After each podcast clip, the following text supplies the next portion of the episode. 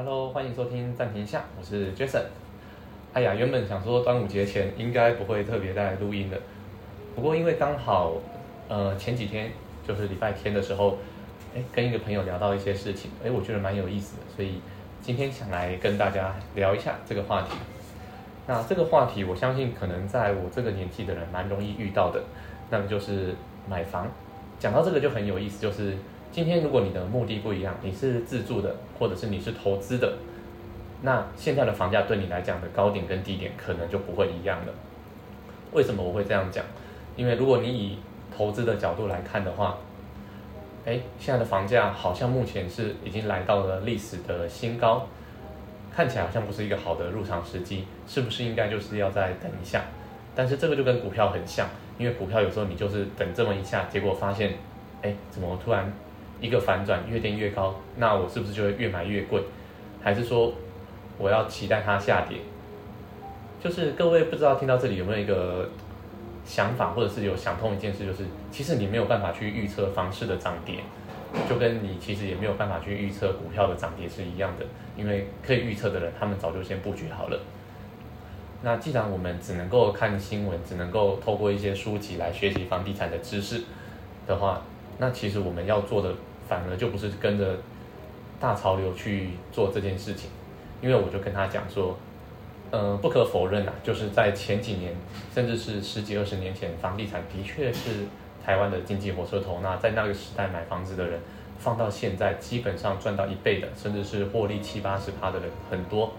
这个是事实。可是如果你今天要把房地产当成是一个投资的工具的话，首先我们就必须去考量它的几个特性。第一个是保值嘛，这个大家都会讲的，房地产保值。然后第二个，房地产只涨不跌。嗯，讲到这里，我觉得需要打一个问号，真的是只涨不跌吗？那再来第三个就是影响房地产涨跌的因素。早些年的话，一定很常听到就是 location location location，就是地点地点跟地点。可是真正好的地点，其实早就已经被人家插旗插完了。你现在要再进入那些真的好的地点，很保值的地点，相对的要付出很高的代价，就是说你要买的比别人贵。那我买了房子之后，它既然保值的话，那我就把战线拉长嘛，把战线拉长，中间我可以出租收租金来付房贷，来交房贷。这样的想法其实也没有错，但就是有一个问题，就是你的投报率呢，然后你付出去的本金加利息，房价就是你的租金有没有办法去 cover？如果有办法 cover 的话，那没有问题，我们就拉长战线嘛。那以现在平均的投报率，台北市可能蛮低的，大概二点多趴到三趴，然后到其他的外县市，这个就是一个需求的问题了，就是你在其他的外县市，可能房价的投报率会相对高一点点，可是你的租金是拉不上去的，然后你要处理的事情相对多。如果说你是一个有在上班的人，今天你的房客有任何的状况的话，你有没有办法第一时间去处理？或者是你遇到了一个有状况的房客的话，那你有没有心力去跟他做缠斗？我自己因为前一前一年房子出租的经验没有到很好，我第一次出租就租到了有状况的房客，邻居一直来问我，管委会一直来请我去处理，问题就来了。第一个，他们没有现行，就是不是现行犯被抓到，那只能够就是我们外面的人闻到味道去臆测。那你请警察来，警察也不能够破门进去，因为他们的那个状况也不是说什么很严重的东西。那你只是有闻到一些疑似的味道的话，其实不构成举证的条件，警察是没有办法直接破门进去做搜索的。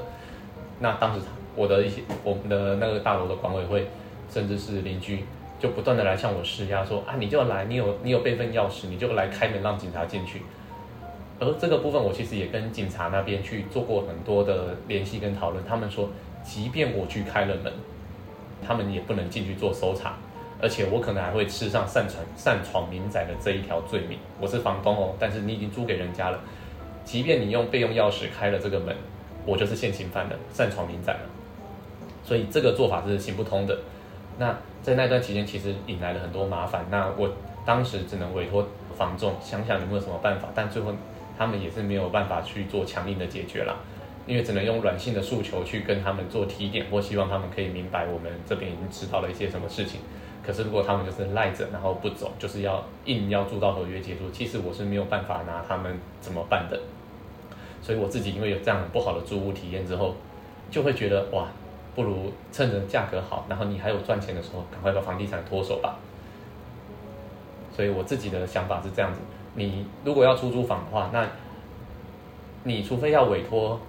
真的品质很不错的中介帮你找到品质很好的客人，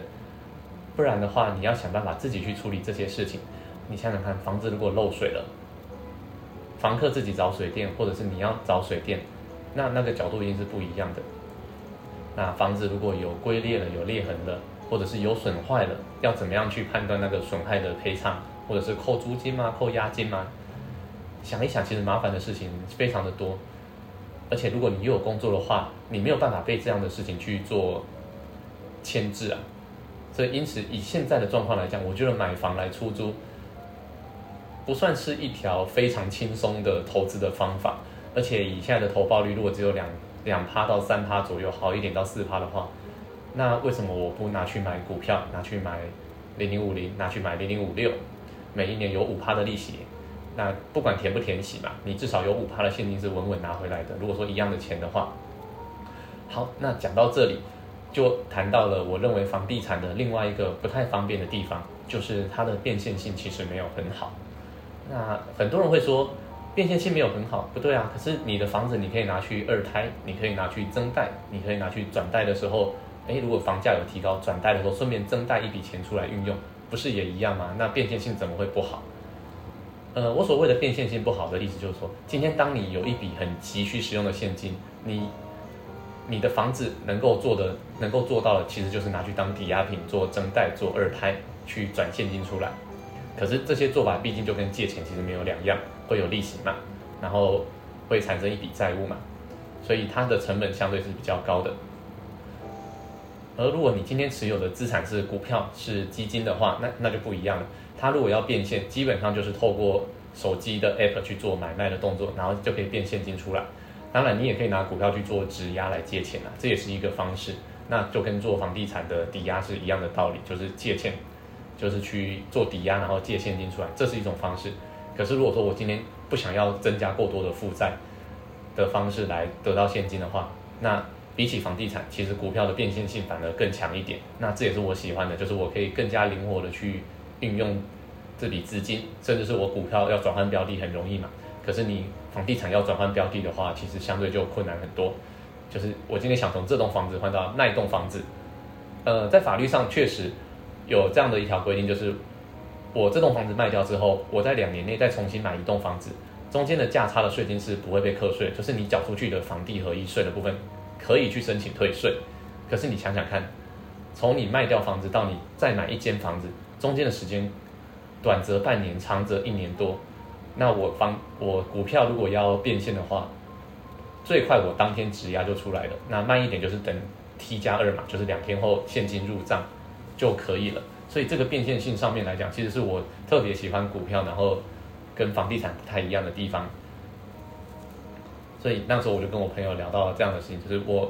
分析了几个我认为的房地产的优缺点了，因为我们不能够去完全否定说，哎，房地产没有优点。那如果都没有优点的话，早期靠它赚到钱的人是怎么样办到的？所以不可能嘛，它有它的优点在，但是它也有它的缺点。就端看说你对于资金的操纵，以及你对于理财的规划，需要的是稳定，需要的是慢慢的上涨，还是说你？想要灵活的去配置你的资产，在看到可能某个产业风向不对的时候，就赶紧脱手，然后去转投到更好的产业去。那股票可能就会相对的适合你。那假设你对股票没有研究，你会担心会害怕的话，那可以考虑去买房子。如果说你真的有这一笔投期款，然后你的现金流也 cover 的过来，也也觉得现在的利率是你可以负担的话，那你其实买房子就没有太大的问题。所以。讲到最后，其实也很像干话，就是到最后的最后，你终究还是要去因应每一个人各自不同的能力去做配置跟调整。那房地产不一定适合每一个人。那我也跟我那个朋友讲了，如果说你现在的工作就是会跑来跑去，你没有办法照顾这栋房子，即便你出租，但是你没有办法照顾它的话，那可能就没有那么适合去投入房地产。那再讲到说，假设你是要自住的话，自住就有一个。我觉得蛮明确的动机可以去考虑的，因为自住来看，你就没有必要去管房价的涨跌了。因为房价的涨跌对你来讲，基本上你不出租嘛，所以你就是有一个负的现金流，你要付房贷，你要付利息，看你用哪一种方式。所以你不用考虑到现金流的，诶，应该说你不用考虑到投资报酬率的问题，就只有在你最后打算换房子，把房把房子卖掉的时候，再来算我们的投报率有多少就可以了。而讲到这一块，我后来才发现，诶，我朋友他的想法其实蛮勾引的，就是蛮单纯的，他就觉得说，诶，买了一个房子，那如果二十年的贷款把它缴完了之后，可以有怎么样怎么样怎么样，那我就直接帮他点破一件事，就是。我觉得以现在的时代来看，真的很少有人会把房子的房贷从头到尾二十年也好，三十年也好，真的把它缴完。我必须讲这个其实是不太可能的事情，因为蛮多人可能住到了十年，当房子变成了中古屋的时候，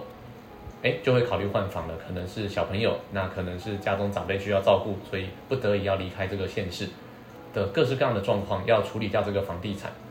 所以真的会把房贷从头到尾缴完的，坦白说，我真的没有听过太多的案例啦。很多都是中间发现说一些现实的状况，我必须离开这个县市了。那房子的部分，与其说出租，那不如哎卖掉好了。因为如果还有赚钱的话，算一算有赚钱，那干脆卖掉好了，就不要在那边心头去烦的这一块。然后可能租客有问题要找你，然后有问题的租客邻居要找你。所以变成你两种不同的想法，就会造成你两种不同的思维去考虑这件事情。最后我的结论就是说，